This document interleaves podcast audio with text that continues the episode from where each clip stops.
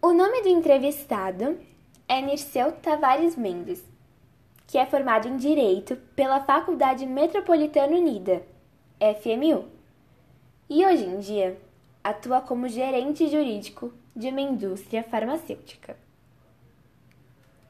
Podemos ver ao longo da entrevista que houveram algumas dúvidas na escolha de sua carreira, mas ele optou pela advocacia, já que a profissão o possibilita ajudar e fazer justiça, o que era um tópico muito importante em sua escolha, que foi principalmente influenciada por fatores internos, pois sente afinidade pelo assunto e escrever.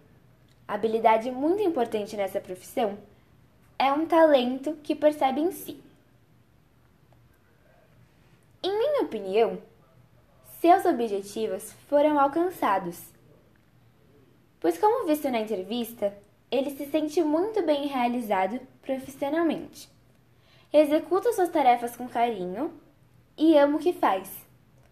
Além de ser uma pessoa estudiosa que está sempre se aprofundando nos assuntos profissionais e sentir que atende suas demandas com sucesso. O entrevistado se sente realizado profissionalmente, com a justificativa de que ama sua profissão e que a realizar o faz bem. Acho essa justificativa coerente, pois, na minha concepção, fazer o que gosta e ajudar as pessoas com isso é uma das coisas mais importantes da vida.